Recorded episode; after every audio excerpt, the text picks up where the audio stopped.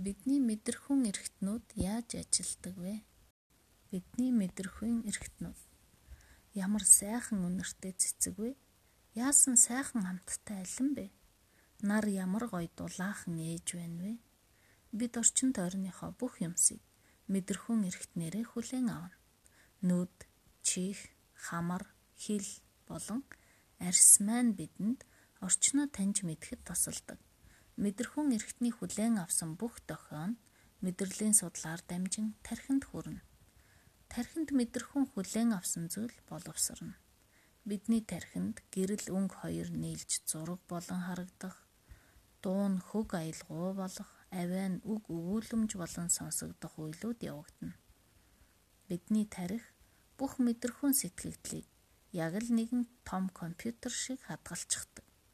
Тэгээд тэр алим ямар амттай, ямар хэлбэр дүрстийг тогтоож авснаар бид алим банан хоёрыг хооронд нь ялгаж чаддаг. Мэдрэлийн эсүүд ямар харагддаг вэ? Бидний биеийн бүх хэсэгт мэдрэлийн эсүүд байдаг. Мэдрэлийн нэг эсэл гэхэд олон салаатай. Түүгээрээ дохио буюу мэдээллийг хүлээн авч цааш нь дамжуулна. Энэхүү мэдээлэл нь аль болох хурдан, найдвартай очих газраа хүрэхийн тулд эсийн салаанууд нь цахилгааны утас шиг тусгаарлагчаар бүрхэгдсэн байдаг. Мэдрэлийн олон судлууд нь нийлж мэдрэлийн бүдүүхэн кабелийг үүсгэнэ. Мэдрэлийн эсүүд нь мэдээллийг бие биедээ эсвэл биеийн өөр эсүүдэд дамжуулдаг. Жишээ нь тэд булчингийн эсүүдэд агших дохио өгдөг байна. Маш түргэн аяндаа дохио дамжуулагдах үйлдэлийг рефлекс буюу тусгал гэж нэрлэдэг.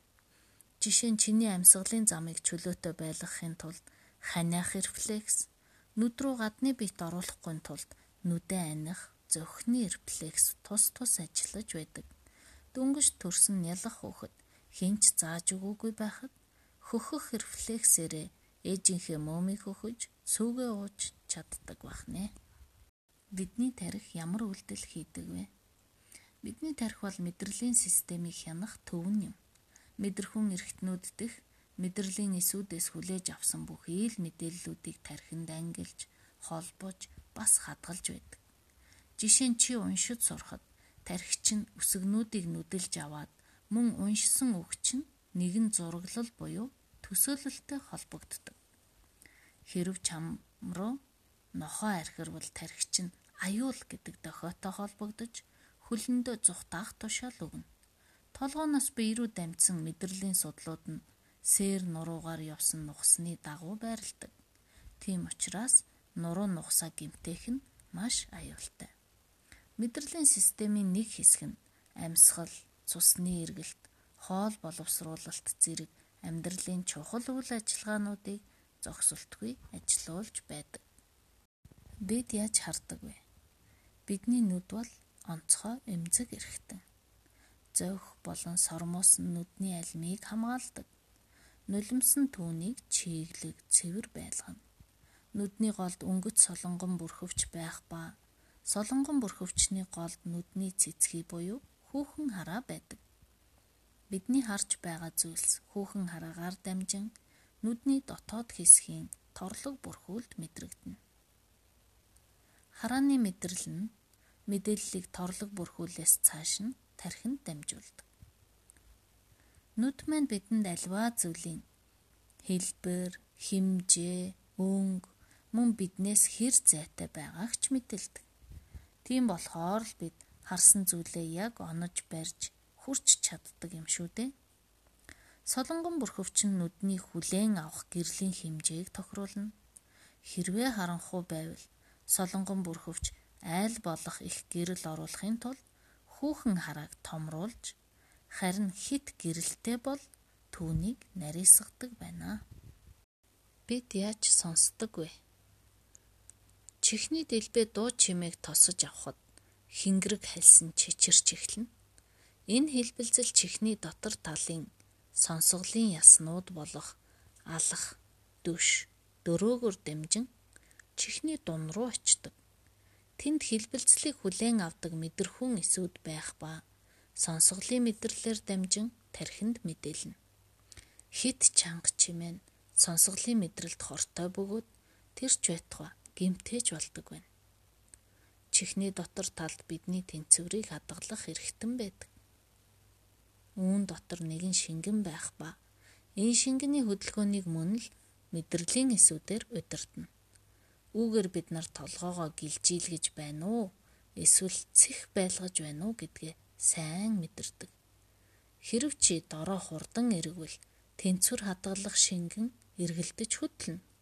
Чамаг зогссон ч толгой чинь эргэдэг нь тэнцвэрийн эргэтэн доторх шингэн хэсэг зур үргэлжлэн эргэж байгаатай холбоотой юм шүү.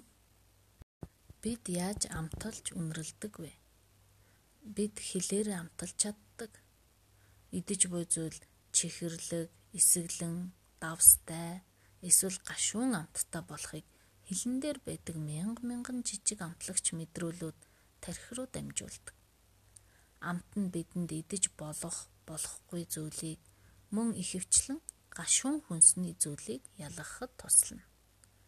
Харин хамраараа бид үнэрийг ялгадаг. Зарим үнэрийг бид насан туршдаа мартдаггүй.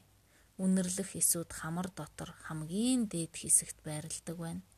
Эдгээр эсүүдийн урт үргэлжлэл нь тарих хүртэл сонсон байдаг бөгөөд сайхан үнэр ханхалж байна уу? Эсвэл өмхий үнэртэж байна уу гэдгийг тархинд мэдээлдэг. Үнэрлэх мэдрэмж нь амтлах мэдрэмжээ дэмждэг учраас чи хамрын ханиад хүрсэн үедээ юмны амт мэдрэхтэй муу болдог бахнэ. Бид яаж мэдэрдэг вэ? Арьс бол бидний хамгийн том мэдрэхүн эрхтэй юм. Арьсан дээр хаа сайгүй хуурай, нойтон, гөлгөр, барцгар, хатуу зүйлнийг мэдэрч чадах хүртэх мэдрүүлүүд гэж байдаг. Ялангуяа хурууны үзүүрт энэ нь маш олон байна. Бусад мэдрэлийн эсүүд халуун хүтэн эсвэл өвдөж байгаа эсхийг тархинд мэдээлдэг. Хэсэгхэн газрыг мдээгүй болгохын тулд эмч мэдээ алдуулах тариа хийн.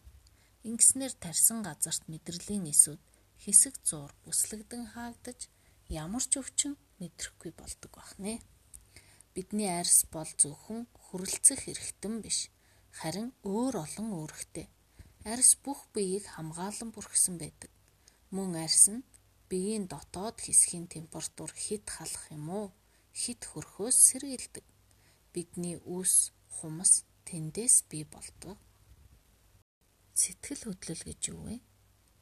Бид альваа юмыг зөвхөн биеэрээ мэдрээ зогсохгүй бас зүрх сэтгэлээрээ мэдэрч байдаг. Зарим үед чи хөвгөлтэй эсвэл бүр марзагнах дуртай болдог. Хаяа уйтгартай болох ч юм уу эсвэл муухай аш чинь хөдөлчихнэ. Бидний бие энэ бүх сэтгэл хөдлөлийг илэрхийлдэг. Чи баяртай байвал инээж, гунигтай бол уйлж, сэтгэл чинь догтлсноос болж байж ядан өсчиж, уурлахаараа орилж хашгирдаг. Мөн юмнаас айвал нүүрчин цонхийн цайж, эсвэл ямар ч юмд сонирхолгүй болохоор дэмий гөлрөн суудаг үстэй. Энэ олон янзын сэтгэлийн хөдөлгөөнүүд нь бидний амьдралын л нэг хэсэг юм шүү.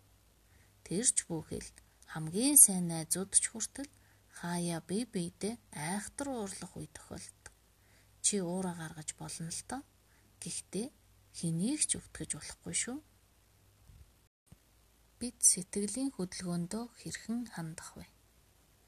Бусад хүмүүс заримдаа зориуд биш ч гэсэн чиний сэтгэлийг шархлуулчаад түүнийгэ мэдгчгүй явдаг. Хэрвээ чи гонигтай болвол түүнийгэ нууж чимээгүй өнгөрч болохгүй шүү. Чи уйлмаар санагдвал уйлах л хэрэгтэй. Бас энэ тухайга хин нэгэнтэй ярилцвал дараа нь сэтгэл чинь онгоогоод сайхан болчихно. Чамайг тэрэн авч чиний ярихыг сонсон арга дах хин нэгэн мэдээж байгаа шүү дээ. Зөвхөн бидний бие өвдөхгүй байснаар сайн сайхан байдаггүй биднийг хайрладаг бас биднэр хайрлуулдаг хүмүүс хэрэгтэй. Тэд бол бидний ээж, аав, ах, эгч, дүү, эмээ өвөө, найзууд минь юм шүү.